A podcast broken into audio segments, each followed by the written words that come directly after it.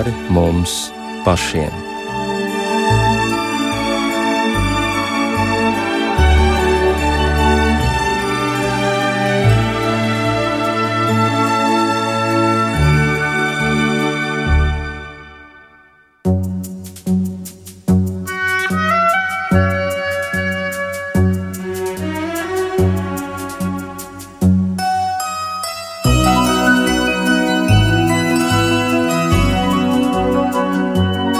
Esiet sveicināti raidījumā pāri mums pašiem, lai ir slavēts Jēzus Kristus. Studijā Inte Zēgnere un mūsu viesi šovakar Ādažu evaņģēliskās luteriskās draudzes mācītājs Ivars Jākapsons un Madonas Baptistu draudzes mācītājs biedrības Baltijas globālā iniciatīva vadītājs Pēteris Eisāns. Un šovakar mēs nolēmām runāt par septiņiem galvenajiem, septiņiem smagajiem, jeb kā vēl tos sauc par septiņiem nāves grēkiem kurus droši vien nemaz bez piepūles tā vienkārši nespētu uzskaitīt. Ja mēs uzrunātu, piemēram, kādu garām gājēju uz ielas, diez vai kāds varētu šos visus septiņus uzreiz nosaukt, un tomēr, tomēr ir vērts par tiem padomāt, kas arī ir šīs sarunas mērķis. Pirmkārt, gribu vaicāt par apzīmējumu. Ja atšķiram viselementārāko izziņas avotu internetā, tad, piemēram, Wikipēdijā tik līdz kā uzklikšķinam septiņi nāves grēki, tā tūlīt parādās arī šo septiņu grēku uzskaitījums. Kaut gan terminoloģija ir dažāda. Katoļu baznīcā runā par smagiem grēkiem, ir runa par galvenajiem grēkiem, bet uh, Vispirms varbūt sāksim tik tiešām ar uzskaitījumu, kas ir domāts ar šiem septiņiem un kāpēc tieši septiņi, vai tam ir kāds pamatojums Bībelē? Es domāju arī par to jautājumu, vai var atrast Bībelē kaut ko tādu līdzvērtīgu, ko baznīcas tēvi ir atklājuši par eh, septiņiem nāves grēkiem, jeb kā ortodoksālā baznīca tās sauc par septiņām kaislībām.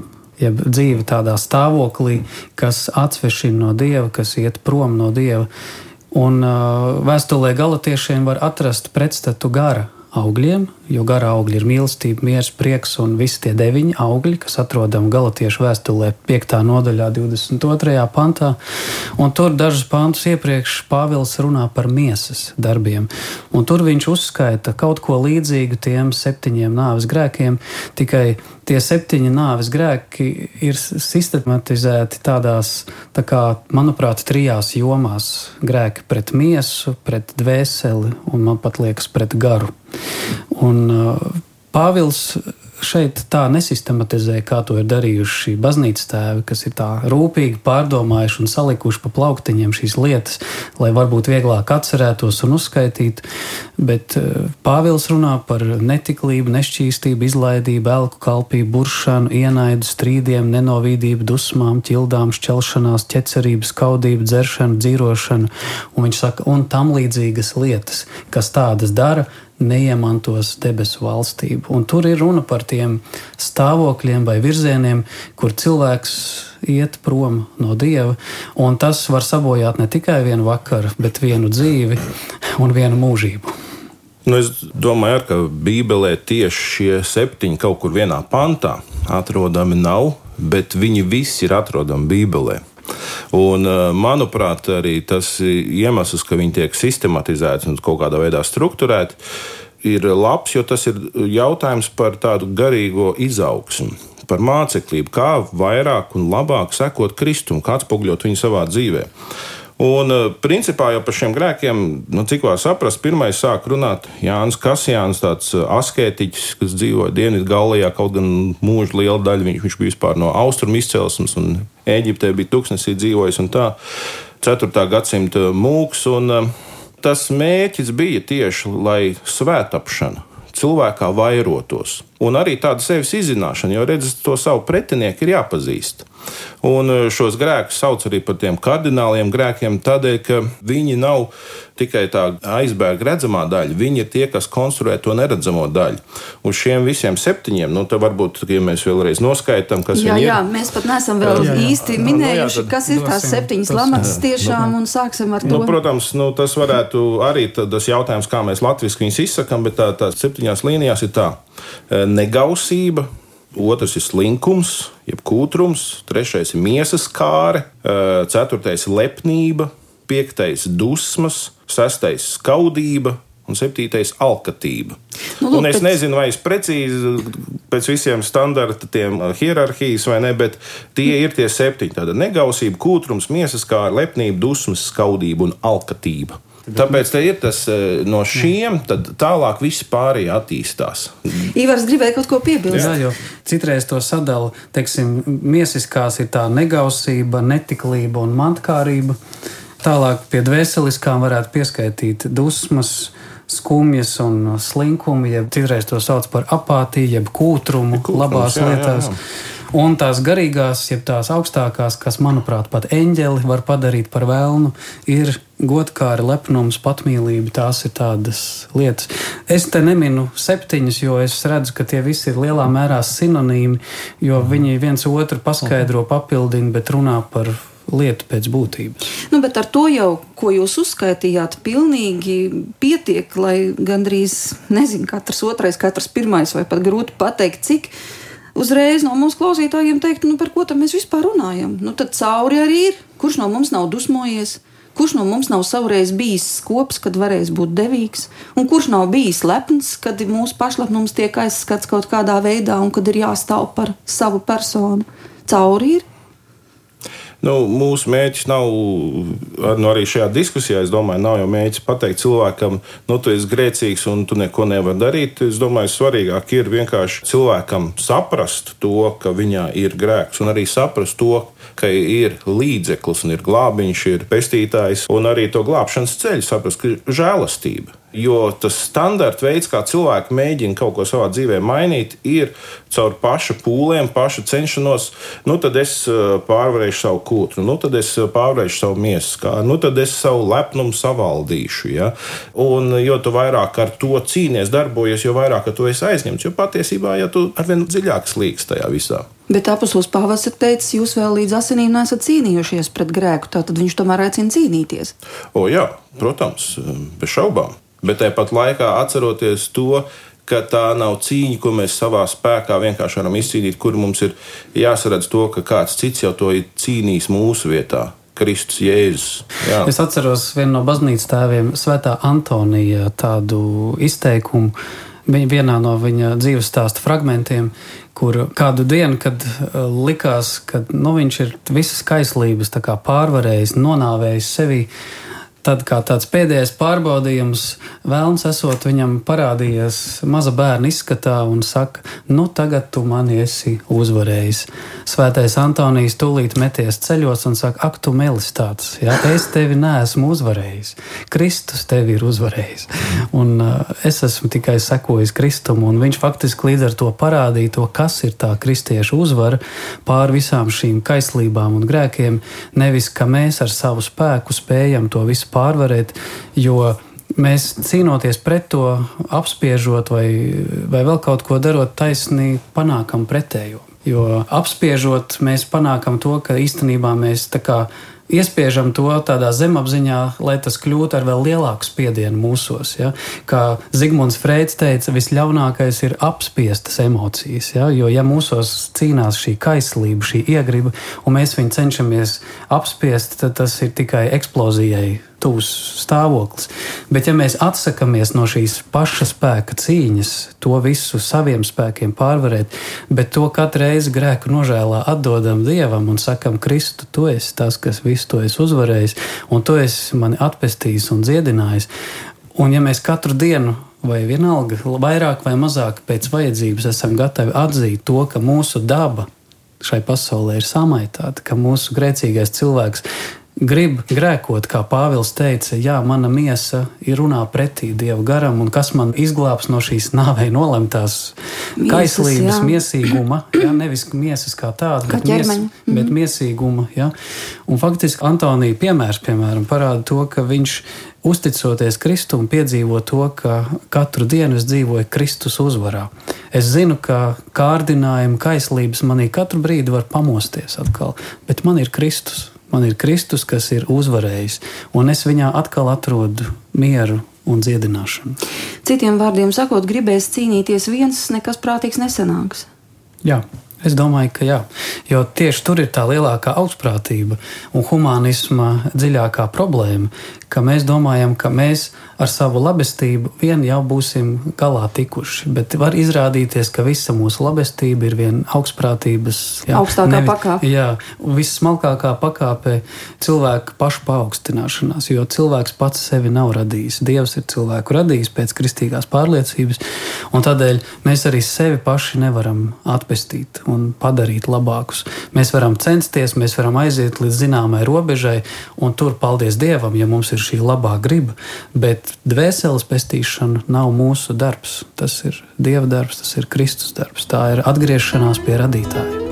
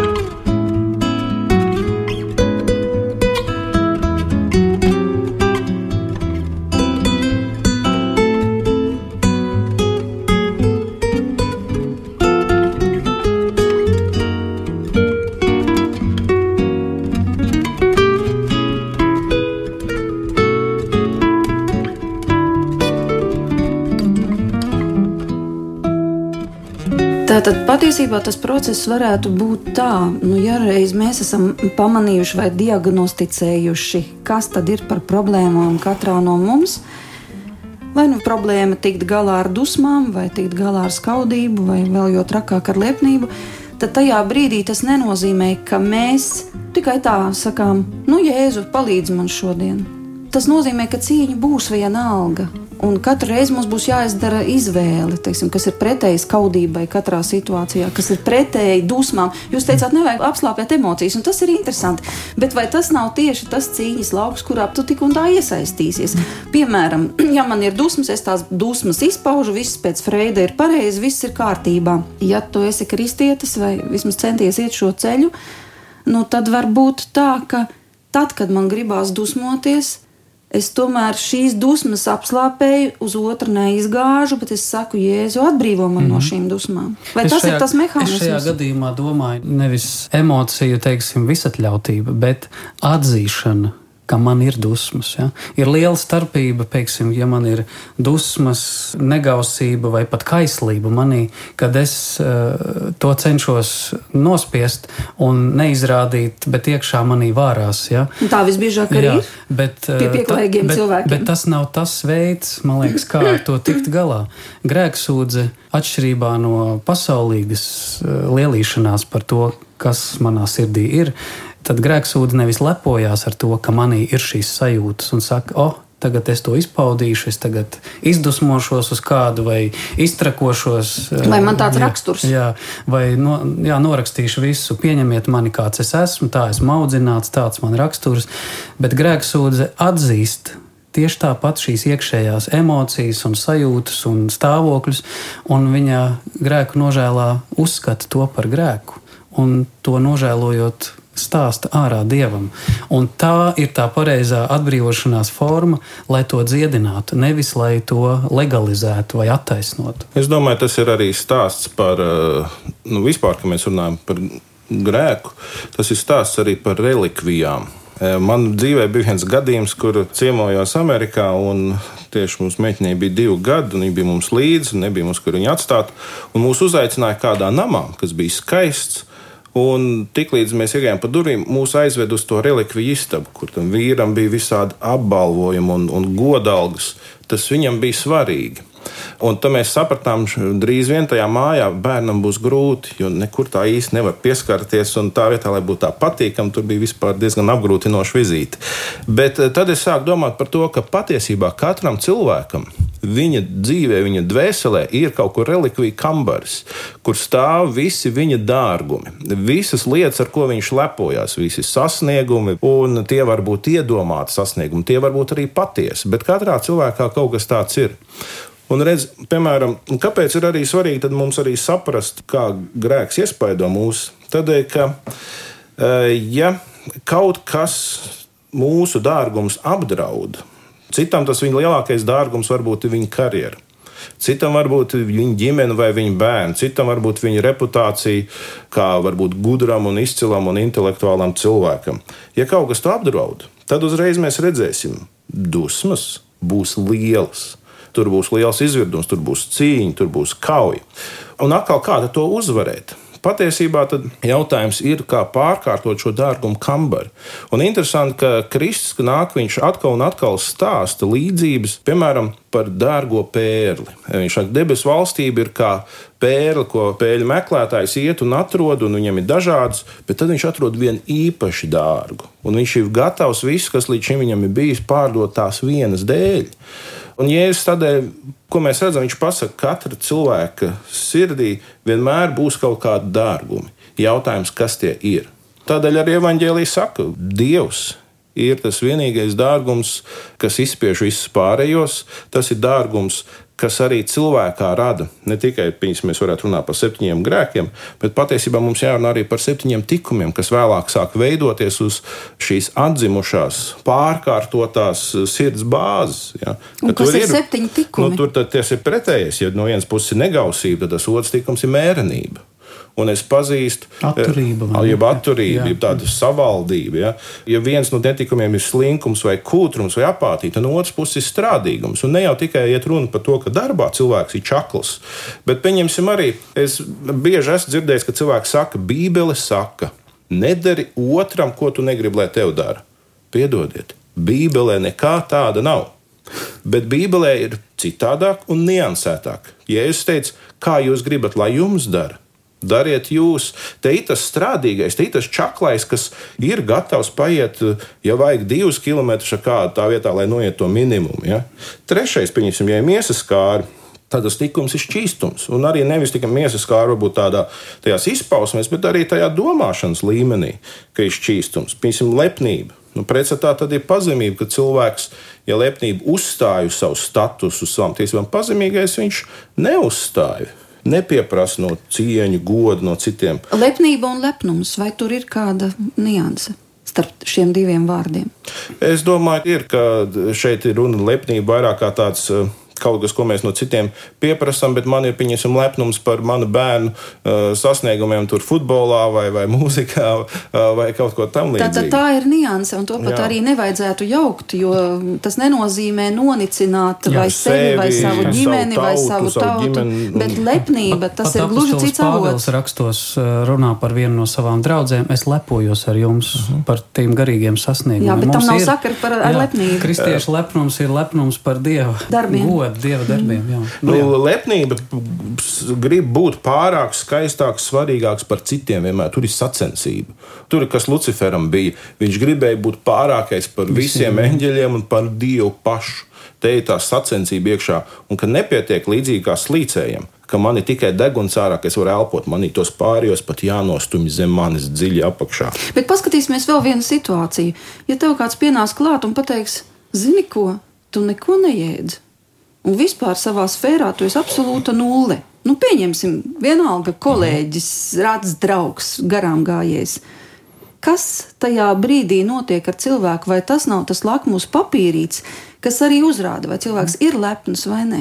Ir atziņas, kas saka, ka katrs cilvēks, kas nāk tavā priekšā, kurš tevi izaicina, vai vienalga, katrs notikums ir tavs skolotājs, pārbaudītājs. Un ja kāds tevi, vienalga vai tas būtu bērns vai kolēģis vai uz ielas kāds garām gājējs, kaut ko tevī izraisa, tas pārbauda tavu iekšējo saturu. Un, ja kāds tev šķiet, ka tevi pazemo un tevi apvaino, un ja tevī rodas šīs neadekvātās reakcijas, dusmas, tas nozīmē, ka jā, man ir šis lepnums, kur es nebiju pamanījis. Man vajag labo slavu cilvēku priekšā. Tas varbūt arī nepamatoti, jā, tas varbūt jā, pavisam jā. nepamatoti, bet jautājums neno, ir par jā, cilvēku tas, reakciju. Jā, tas nenozīmē, ka man varbūt nevajadzētu sevi aizstāvēt vai pastāvēt. Bet tas veids, var, kādā veidā mēs tas, to darām. Es sāku par to cepties, jeb dusmoties, tas liecina, ka man ir šī kaislība, man ir šī kāri uz pašu pagodināšanos. Un, ja vēl es atkārtotu to savu metaforu, ko es lietoju par šo relikviju, kam kambarīti, jeb skapīti, kur katrā mājā ir, tad tas parāda, ka cilvēka profesionālais sasniegums ir tā viena no viņa relikvijām, ko viņš vērtē, kas viņam ir svarīgi, ko viņam ir jāiegūst. Un viņam kāds apdraud, saka, nē, tu neesi pietiekoši profesionāls, tu neesi pietiekoši augstu līmeni sasniedzis. Un līdz ar to viņa visa pašvērtība, viņa visa pasaule caur to brūk, jo viņš jūtās tā. Aizskarts. Jā, es būšu kaut ko vērts, tad, kad man būs šī relikvija nodrošināta, kad tiešām visi atzīs, es esmu profesionāls, es esmu uh, augstā līmenī. Un man ļoti mīļa viena tāda filma, Chariots of Fire. Par diviem skrejējiem, britu skrejējiem, kas piedalījās Olimpiskās spēlēs Parīzē. Un kā viens no viņiem, tāds Haralds Abrahams, viņš pirms skrējiena saka savam draugam, es tagad iziešu, un man sagaida desmit vientuļas sekundes, kurās man jātaisno savu eksistenci. Ja? Un viņš uzvar un iegūst zeltu, un joprojām nav apmierināts. Ja? Un tāpat laikā otrs skrejējs, un interesanti, ka viņš ir kristietis. Viņš savai māsai tur kaut kādu laiku iepriekš pirms skrējiena saka, viņš saka, ka es skrienu, tad es zinu, ka Dievs ar prieku uz mani noskatās. Un, uh, un viņā ir tāda pašvērtība, tāda pašcieņa. Viņš ir brīvs, drošs, brīvs, atraisīts. Piemēram, tur viens skrējiens ir svētdienā. Jā, viņš saka, es, es svētdienu tam kungam es neskriešu. Viņš, ir, viņš nav tādā veidā sasaistīts, nu, mana karjera viss ir atkarīgs no tā. Viņš ir brīvs un laimīgs. To uzskaitījumu varētu paturpināt, tā, kur nu, mēs tik veiksmīgi pārtraucām. Nu, jā, mēs palikām pie lepnības, kura, kā izrādās, jā. Dusmas, tad pretstatā dusmām varētu būt pacietība un, un, un, un spēja panest. Un, nu, īpaši kaut kas attiecās uz, uz jā, aizskaršanu. Jā, laipnība. Tāpat tās, ja ir skaudība, jā, tad atkal. Tā arī varētu būt tāda. Nu, kas tad ir pretstats skaudībai? Tā varētu būt arī laipnība no vienas puses. Labvēlība, tāda, un labvēlība, ka tu nenoskaties ar tādu uh, skaudību uz otru, bet tu esi priecīgs, ka otram ir sekmes, ka otram ir arī nodrošinājums. Un tad... Mārtiņa Lutera skaidrojumā tur pie baušiem tev nebūs iekārot savu tuvākā namu vai tev nebūs zakt. Tur viņš tālāk saka, ka mēs no otra neņemam to, kas tev nepiedara, bet palīdzam otram otra mantu saglabāt un pat vairot. Kaut gan uh, mūsu dabiskā tendence dažkārt ir skaudīgi skatīties, redz, viņam iet labāk, viņš man ir apsteidzis un man ir sajūta, ka kaut kas nav taisnīgi. Man vajag kaut kā to netaisnību, ka viņam iet labāk izlīdzināt, lai viņam kaut kā ierieptu vai arī kaut kā uz viņa pakāptos. Ja? Ir tāds pasaulīgums cilvēkos, kad e, rodas šī konkurences sajūta, viņš man ir apsteidzis, viņš līdz ar to aizskārs man lepnumu, man viņu vajag vai nu noķert, vai kaut kā viņam izdarīt, lai viņam nav tik labi. Bet pretstats šai pēdējai kaislībai, kas ir skaudība, proti šī labvēlība nozīmē to, ka es protu priecāties par to, ka otram ir labi. Bet tas jau nozīmē atkal to brīvības pakāpi, jā. kas bija tam skrējējam, jā, ka jā. viņam nav grūti uh mhm. -huh. priecāties. Un varbūt kamēr viņš cīnās ar šo kaisli sevī, viņam ir grūti un no jauna un no jauna un no jauna. Uh mhm. -huh. Varbūt gadi paiet, jā. bet vienā brīdī nāk tā uzvara. Mēs esam diskutējuši par to, ka īstenībā priekš sporta tāda kristīga apziņas ir pirmā brīdī šķiet pilnīgi nederīga, jo viņi neskrien līdz galam, necīnās pāri asinīm un tā tālāk. Nav tā godkāri sasniegt to pirmo vietu. Un tomēr mēs uh, diskutējot, sapratām, ka nē, kristietis, ja arī viņš ir sportists, viņš uh, tik un tā ir ļoti labs sportists. Viņa galvenā balva ir dzīties pēc debesu balvas, bet viņš nepārspīlē savu miesas lomu, viņš ir brīvs cīņā uzvarēt un zaudēt. Un ļoti daudzi caur šo pazemību, caur šo brīvību, necīnoties pēc balvas, par katru cenu ir uzvarējuši. Un tādēļ tā uzvara patiesībā kristietim, pat sportistam, ir iespējama un pat brīnišķīga kā dāvana, kas nāk no augšienes. Nu jā, un tā vēl septītā lieta bija par alkatību. Ja? Ka alkatībai pretstatā varētu būt piemēram, tāds eh, dāsnums un devīgums. Un... Bet alkatība būtu arī skopums vai mantrausība. Tas viss ir viena jumta. Ja? Tas ir pārmērības grēks, tas ir kas rauš priekš sevis zem sava jumta, savā šķūnī, savā mantu glabātuvē. Un, un, un šis, manuprāt, ir ļoti aktuāls, jo, ja mm -hmm. mēs skatāmies uz eh, finansu krīzi, tad tas ir pateicoties lielā mērā alkatībai. Un tas bija ļoti interesanti pirms gadiem, kad es klausījos BBC rādio, kur tādi pasaules eh, eksperti, nu, nu, tur bija vairāk raidījumi, bija arī kur finanses, bet arī kur filozofi pārspried šīs lietas. Viņi teica, tas ir alkatības dēļ, ka cilvēki sāka taisīt tādas finanses struktūras, kas nu, nu, nu nav normāli pamatojums, jā, kur vienkārši mēģis ir raut, raut un raut tikai sev bija veikta aptauja par to, kādus grēkus cilvēki sevi apzinās no tiem septiņiem, un tie tad tika mērīti procentos. Tas secinājums bija diezgan tāds patiesībā nemaz nepārsteidzošs. Pirmkārt, 22% iedzīvotāju atzinuši, ka nav ļāvušies nevienam no septiņiem šiem minētajiem grēkiem, bet visbiežāk iedzīvotāji ir ļāvušies slinkumam, dusmām un niknumam. Tā liecina šī veiktā aptauja. Un 48% pēdējā laikā ir ļaujušies slinkumam, bet dusmām un niknumam 46% tātad aptaujātie respondenti. Retāk iedzīvotāji ir ļaujušies tādiem grēkiem kā lepnība. Bet no te jūs arī gardi nosmējāties. Var gadīties, ka tā lepnība nav apjausta. Maskēta vēl jā, tiešām jā. nav apjausta. 13%. Tad jau mēs gandrīz dzīvot kā paradīzē, ja tas tā būtu. Es gribētu teikt, ka lepnība ir numur viens. Es jautātu, vai tiešām šajā pasaulē nevienu neskara netiklība vai arī kūtrums. Miesas kāri 8%. Jā. Stipri neticās, ka jā, tikai 8%. Nē, nu, protams, arī ja 22% saka, mūsu tas nav skārs, neviens no šiem septiņiem, tad, tad protams, jau ir lepnība. vai nu, vai nu cilvēki apzināti melo, ja vienkārši viņi, viņi vienkārši nepazīst sevi. Jā. Negausība 12%, skaudība 11%. Latviešiem 11% tikai skaudība. Neticami. Alkatība un skūpums 6%. Mm -hmm. Nu, jums ir arī te ko pārdomāt, bet katrā ziņā tas vien, ka šāda aptauja ir veikta, tas, tas, protams, ir interesanti, jo tas ir ļāvis cilvēkiem aizdomāties, kā tad vispār ir ar mani un ko es sevī apzinos vai neapzinos. Un jūs jau teicāt, ka pirmais solis ir tā diagnosticēšana, ka saprast, kas es esmu, kādas kaislības manī dzīvo, ko tālāk ar to darīt.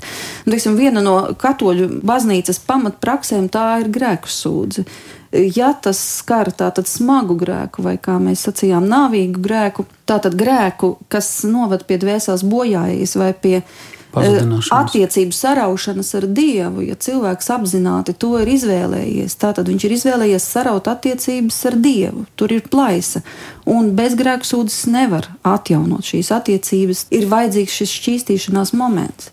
Jo ir viena tāda interesanta lieta. Tas ir tas moments, kas skar varbūt lepnību, ka mm -hmm. atzīties dievam savā istabā mums nemaz nav grūti. Bet aiziet pie garīdznieka un to celt gaismā ir ārkārtīgi grūti. Jā. Un tad sanāk, ka mums no cilvēka ir vairāk kauns nekā no dieva. Nu, jā. Man liekas, ka tieši šeit atkal parādās tas pārbaudījuma akmens. Cik tālu es esmu pašlepns, un ja es esmu gatavs savu grēku dēļ atstājot to pazemoties, tad tas ir visļaunākais, ko var izdarīt eh, ļaunajam. Jo vēlna raksturs ir lepnība, eh, viņa paša augstprātība un eh, pazemība viņu satriec. Ja, viņš bēg no šīs pazemības. Kad tu nāc gaismā, kad tu atzīsties, ka tu vienalga vīrietis vai sieviete būdams, esi gatavs pat nožēlot un varbūt pat raudāt, ja sirds tajā brīdī to prasa.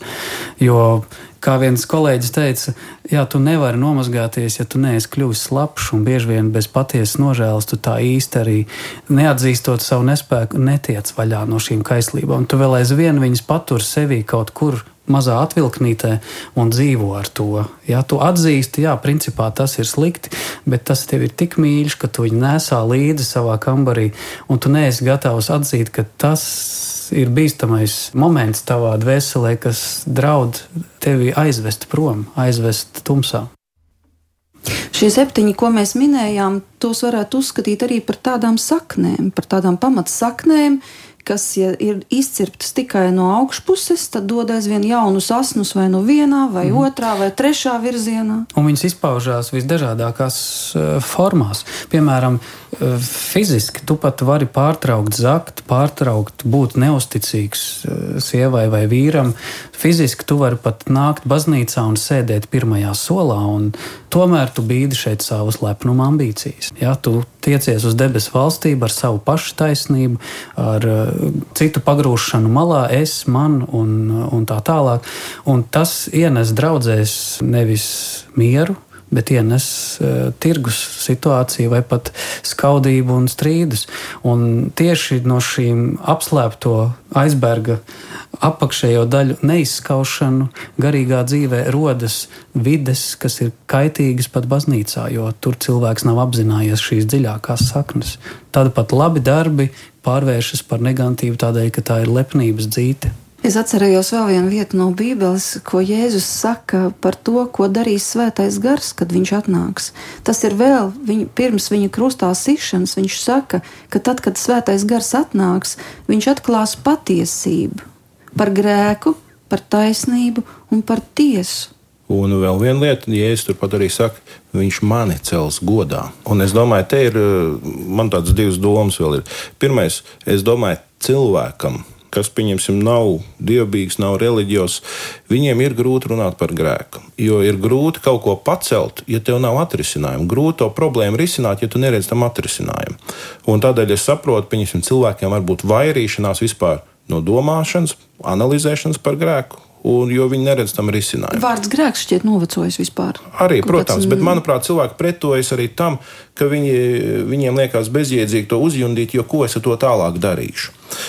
Otrā lieta ir, -hmm. es gribētu pateikt, ka reliģiozitāte pat par sevi nav arī risinājums, jo, ja mēs paskatāmies, ka Jēzus diskutēja, ka viņš savā kalpošanā visvairāk viņš diskutēja tiem, kas jau bija reliģiozi tajā laikā, un viņš viņiem tieši pārmet visas šīs lietas, vai ne? Par ko mēs arī runājām. Tāpēc kā ārpuse nesaskanēja ar iekšpusi. Jā, tieši tā. Un tur bija uh, šī nesaskaņa. Un tādēļ mums jāredz to, ka cilvēks, viņš arī savā reliģiozitātē var būt lepns, kā tajā situācijā, kur aiziet uz templi divi dievi lūgt, un viens saka, paldies Dievs, ka es neesmu tāds kā tas otrs. Ja? Pat Dieva klātbūtnē reliģiozitāte var nu, arī nepamanīt to.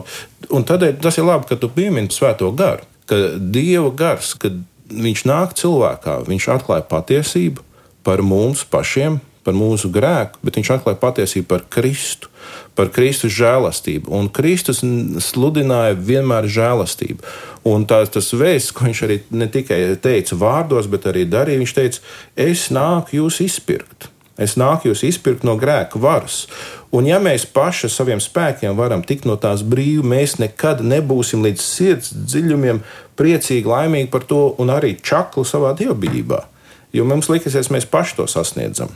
Tādēļ mums ir jāredz šo žēlastības burvību, to dārgāko pērli.